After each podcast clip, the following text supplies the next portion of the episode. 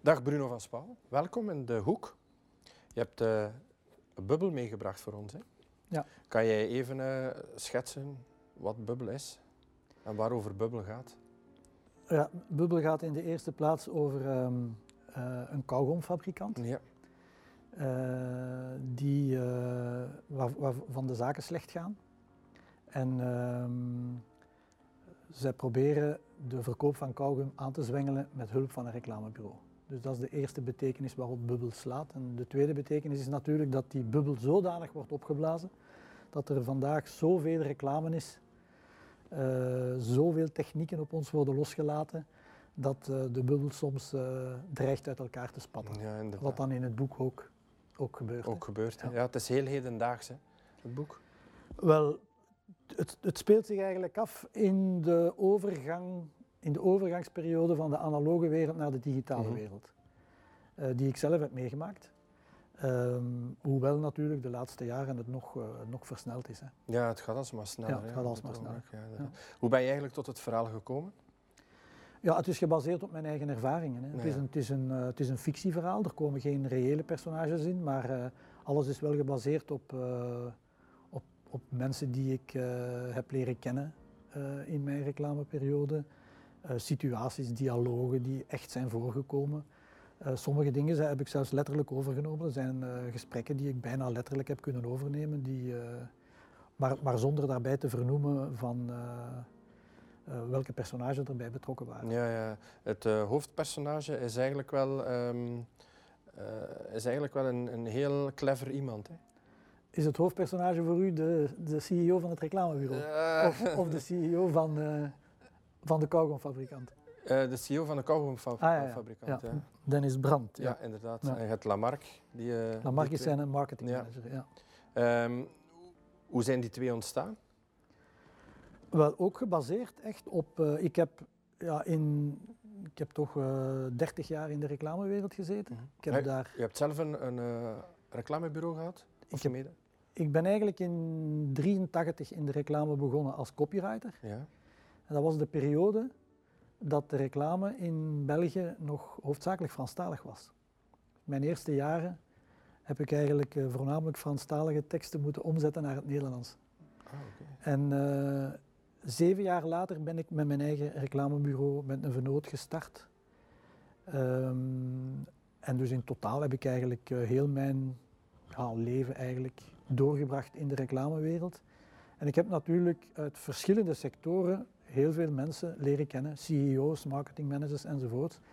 En de beide personages zijn een soort, laten we zeggen, cocktail van verschillende personages die ik, uh, die ik uh, echt, echt ontmoet heb in, Ja. in de reclamewereld. Zoals in het boek hebt u dan ook van die zeer eigenaardige sollicitatie-cadeautjes gekregen. Ja, Mensen absoluut. die op een heel ori- originele of exclusieve manier Ja. kwamen. Ja, toch? Ah ja, het is, dit is echt uit het leven Ja, gegrepen. hè. ik, eh, die- ik dat trok is- even de ogen open. Ja. ja, maar het is zo.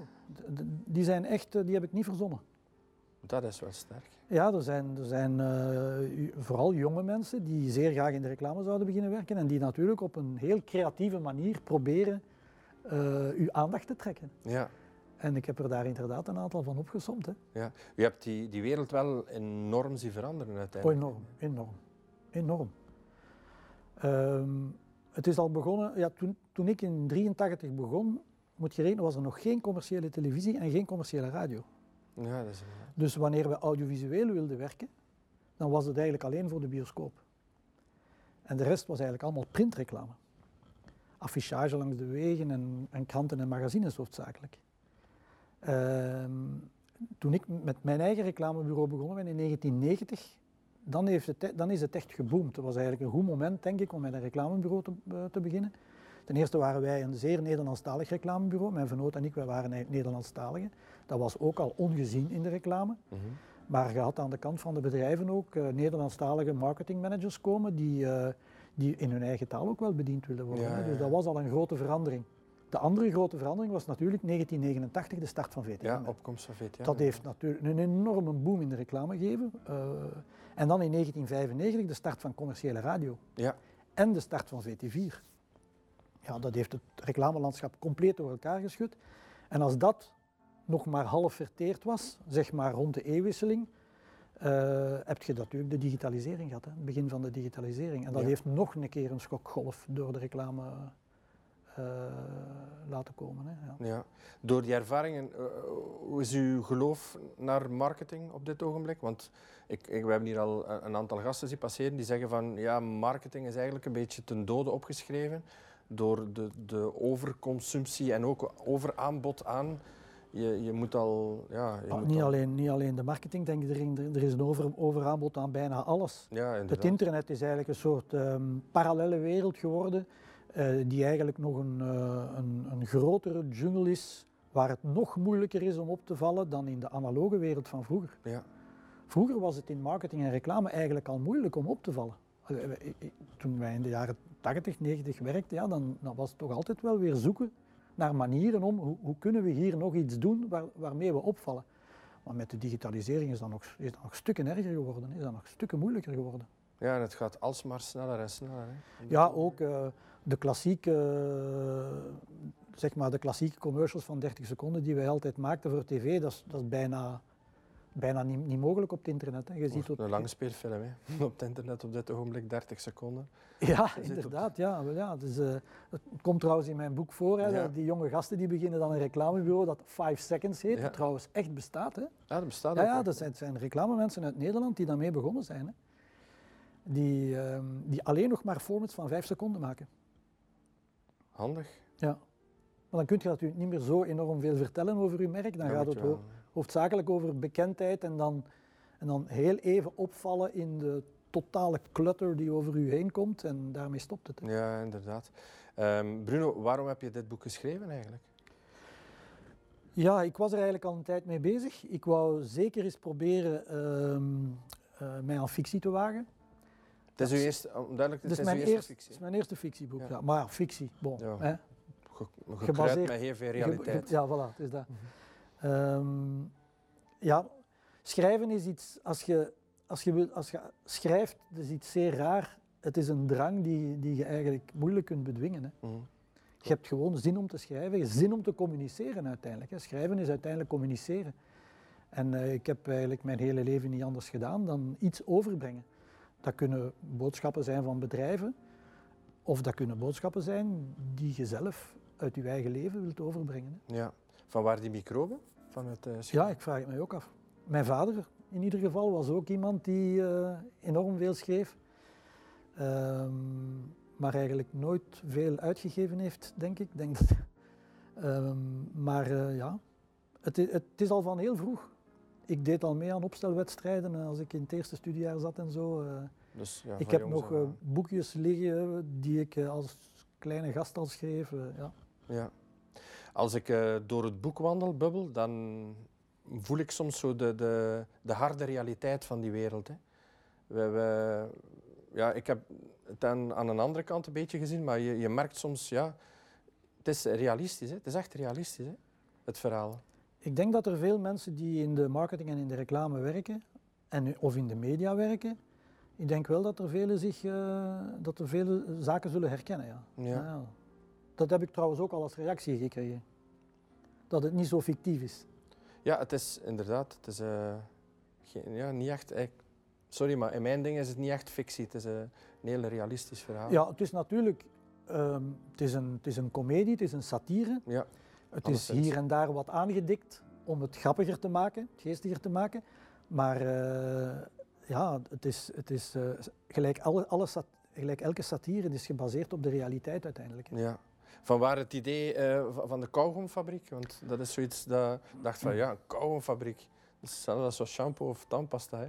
Ja, kauwgom dat is, kauwgom dat is voor mij het, het prototype van het compleet nutteloze product. Daar doe je nu een keer echt niets mee. Je koudt het en je spuut het weer uit. Ja, inderdaad. Wat heb je daar eigenlijk aan? Ja. En toch wordt dat wereldwijd verkocht. Hè. Ja, dat, dat vond ik al, dat is op zich al uh, iets uh, magisch, vind ik. Iets, iets ongelooflijk. En ik dacht, ja, dat is echt wel een, een, een product dat de hero van het boek kan zijn. Ja. Wat is voor jou het meest waardeloze product dat je ooit tegengekomen bent in je carrière in marketing? Dat zal misschien wel kauwgom zijn. Oh, toch toch kauwgom, ja. ja. Ja, inderdaad. Um, nu dat je de smaak te pakken hebt, allez, ik denk het wel dat je de smaak te pakken hebt van die uh, fictie, ga je erin verder? Of, of zeg je van nee, ik hou toch Liever op uh, non-fictie? Nee, nee. Ik, ik, ehm, ik vind fictie wel, wel, wel tof, omdat je zelf ook in een andere wereld je kunt bevinden. Dat was voor mij een plezier om elke dag op te staan en terug opnieuw in die irreële, in die wereld die ik zelf schep, om daarin te vertoeven. Dus ik heb wel, ik heb wel eh, de smaak te pakken. Ik denk dat er nog wel een vervolg zal komen. Daarom niet noodzakelijk over de, over de reclame. Ja. Maar, ehm, Hoe en waar schrijf je eigenlijk het liefst? Ik schrijf in mijn, in mijn bureau. Ik heb een bureau bij mij thuis. Word jij geïnspireerd door muziek of, of zeg je nee, nee, nee, nee, nee, nee. Ah, absolute stilte. Absolute stilte. Nee, nee, ik kan absoluut niet, niet werken als, uh, als er iets van geluid uh, weer klinkt. Nee, nee, dat gaat niet. Ga je soms uh, met de schaar door je, door je teksten terug? Als je dingen uitgeschreven hebt en je herleest het opnieuw en dan zeg je van, ah, toch... in de digitale wereld niet met de schaar. Nee, niet meer met de, met de digitale schaar, dan, of met het gummetje. Nee, nee ik, ik, uh, ik heb vroeger nog typlessen gevolgd, dus ik typ zo snel als een, uh, als een secretaresse. Dus, dat, oh, dus ik, ik, uh, ja, ik, ik schrijf op mijn MacBook Air alles. Mm -hmm. En ik ga er heel dikwijls door. Ik, ik, ik, her, ik, lees en herlees en schaaf enzovoort heel vaak. Heel vaak. Ja. ja. Als je zo'n verhaal... Eigenlijk, het duurt lang. Zo'n boek schrijven duurt eigenlijk lang. Ja? In feite, op het gebied van schrijven, is dat de grootste creatieve inspanning die ik al gedaan heb. Als ik dat vergelijk met het schrijven van reclameteksten, dit is een veel grotere inspanning. Ah ja, omdat je aan het constant, aan het, ja, niet hetzelfde, maar je zit in één verhaallijn die je moet verder bouwen. Ja, en, en, ook alleen al de, enfin, het aantal ideeën dat je al moet vinden. Uh, iedere personage moet een naam krijgen, de situaties, dialogen die je volledig moet verzinnen, dat is iets totaal anders natuurlijk als in, als in opdracht van een bedrijf schrijven waar je, waar je altijd een aanknopingspunt hebt, namelijk dat product. Hè. Hier heb je niets, moet je alles, alles verzinnen. Ja. En uh, het, het paradoxale is ook natuurlijk dat uh, hoe, hoe, minder je schrijft, of hoe minder ik geschreven heb, hoe meer ik verdiend heb. In de reclame bijvoorbeeld. Ah ja, en hoe meer dat je gaat schrijven, hoe minder dat je verdient. um, ik, ik kom, uh, verschillende auteurs komen hier en die zeggen van, we hebben toch altijd een, een muziek of muzieklijst waar we door geïnspireerd geraken. Is dat bij jou ook? Een muziekstijl waar je soms, sommigen beluisteren een aantal nummers en dan zeggen ja, dan ben ik vertrokken in mijn verhaal. Om te schrijven? ja. Nee, voor mij, nee, absoluut niet. Totaal, totaal niet. Nee, nee, totaal niet. Ja. Nee. nee, nee, voor mij, het is echt totale stilte. Um, als, je, als je nu uh, karakters uh, creëert, heb je dan ook zo'n boekje dat je bijgehouden hebt in, in, je carrière van, met quotes in en ervaringen? We hebben er zo'n aantal auteurs die, die zeggen van ja, ik heb zo'n boekje en als ik iets tegenkom, dan schrijf ik dat op en hou ik dat bij. Want ja, dat doe ik constant. Ja. Er, ligt, er, liggen altijd notaboekjes in mijn omgeving. Ook s'nachts naast mijn bed bijvoorbeeld uh, ligt er een notablokje. Uh, als ik uh, s'nachts soms een idee krijg, of s'avonds of s'morgens, ja, dan, moet er altijd, dan moet ik het snel kunnen opschrijven. Ja. Ik heb vroeger al eens de fout gemaakt dat ik dacht, ah ja, dat is een goed idee, s'nachts bijvoorbeeld, ik ga dat morgen uitwerken. Maar ik wist morgen helemaal niet meer wat het idee was. Ja. Ik wist nog wel dat ik een gehad had, maar ik wist niet meer welk het was. En als je dat een paar keren voor hebt, dan maak je die fout niet meer. Dat kan ik me wel heel goed voorstellen. Ook in mijn reclametijd trouwens. Hè, was Ja? dat, ook al, zo. ja, dat was ook al zo. Ja. ja, we moesten ook ideeën bedenken natuurlijk voor campagnes. Hè. Ja. Wat is eigenlijk de moeilijkste campagne wat je ooit gedaan hebt voor jezelf? De moeilijkste? Wij, wij hebben, ehm, ik denk dat dat de campagne voor Volvo was. Wij waren toen, weet, reclamebureaus moeten altijd eh, in competitie gaan met andere Ja. reclamebureaus om een budget, eh, een reclamebudget te winnen. Mhm. En eh, voor Volvo waren wij dus ook in competitie met een aantal andere bureaus. Ja, wij wouden natuurlijk, dat was ook helemaal in het begin van ons reclamebureau, we wouden een, een campagne maken die in de autoreclame nog nooit was voorgekomen. En dat zijn allemaal schone intenties natuurlijk. Hè. Dat je iets revolutionairs wilt bedenken, iets dat nog nooit niemand iets gedaan heeft, maar eh, om, het, om het dan ook effectief te maken, dat is nog een ander paar mouwen. Hè. Ja. Maar daar, dat is ook de campagne waar ik, een van de campagnes waar ik wel het meest, eh, het meest eh, fier op ben. Ja, ja, ja. Is het nu gemakkelijker geworden om reclame te maken? Ik bedoel dan technisch, reclame technisch, is het gemakkelijker geworden door de digitalisering, dat je meer tools hebt om, om dingen te creëren? Want vroeger ging het, was het echt analoog. Hè? En vooral veel goedkoper. Ja. En eh, de klanten verwachten dat ook. De prijzen zijn gewoon naar beneden getuimeld. Ja, ja. Eh, wat, wat het is om een commercial te maken of een radiospot. de klanten verwachten niet alleen dat, het, dat je het ook sneller kunt doen, Mhm. maar ook dat je het veel goedkoper kunt doen. Ja. Dat is duidelijk. Ja. Is een beetje te- eh, de teleurgang van de marketing? Wat, wat ik hoor van, ik, ik ben natuurlijk nu al ongeveer tien jaar uit het, uit het dagelijkse vak. Eh, maar wat ik hoor van, van, van mensen is dat in ieder geval de reclame gelijk wij die vroeger maakten, ja, dat, dat is totaal gedaan. Eh, Mhm. long copy, eh, campagnes in verschillende thema's, eh, waar je ook echt eh, een dubbele pagina in de krant of een enkele pagina in de krant, dat je heel veel aandacht kunt krijgen voor een campagne dat is eigenlijk voorbij. hè. Dat is eigenlijk voorbij. Het is allemaal veel vluchtiger. Ja, inderdaad. En het rare is, ik, eh, ik vind dat eigenlijk ook raar, want ik vind dat eh, grote merken eh, in de klassieke media vandaag het terrein helemaal voor zich alleen hebben. Mhm. Ze zouden totaal geen concurrentie hebben. En toch gaan, ze, toch gaan ze niet. Toch verkiezen ze om zich in die digitale jungle te storten waar het veel moeilijker is om op te vallen. Dat kleine merken dat doen. Eh, sociale media worden bijvoorbeeld vaak gebruikt door personen die een zaak beginnen of eh, kleine KMO's enzovoort, de bakker, de beenhouwer enzovoort, dat die op die manier ook een medium vinden om zichzelf te promoten. Dat is eigenlijk wel een goede zaak voor hen, want vroeger hadden zij niet de middelen om in de media te gaan.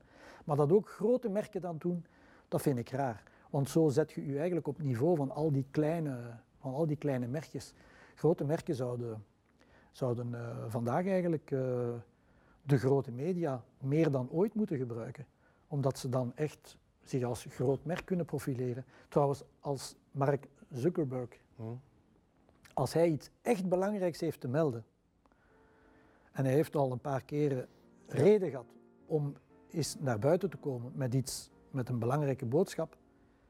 Als Facebook dan toch zo'n geweldig reclamemedium is, waarom doet hij het niet op Facebook dan? Dan plotseling gebruikt hij de Washington Post, gebruikt hij de New York Times, eh, de Boston Globe, gebruikt hij plotseling de grote kranten om in een volle pagina te gaan vertellen wat dan zo belangrijk is. Dat betekent toch wel iets, vind ik. Ja, misschien dat de grote bonzen toch nog liever de krant lezen dan op eh, Facebook gaan checken wat er met, eh, met hem aan de hand is. Hè. Ja, natuurlijk, maar ik denk dat dat voor een heel aantal producten ook wel geldt. Ja. Waarom nemen ze die stap eigenlijk? We wijken nu wel wat af van het boek. Eigenlijk niet, want het zit er ook nog wel een stuk in. Mhm. Maar waarom nemen ze eigenlijk die stap? Want je zegt zelf, het is, het is een beetje contradictorisch. Hè. Je gaat je gewoon gaan ja, verlagen met de kleine.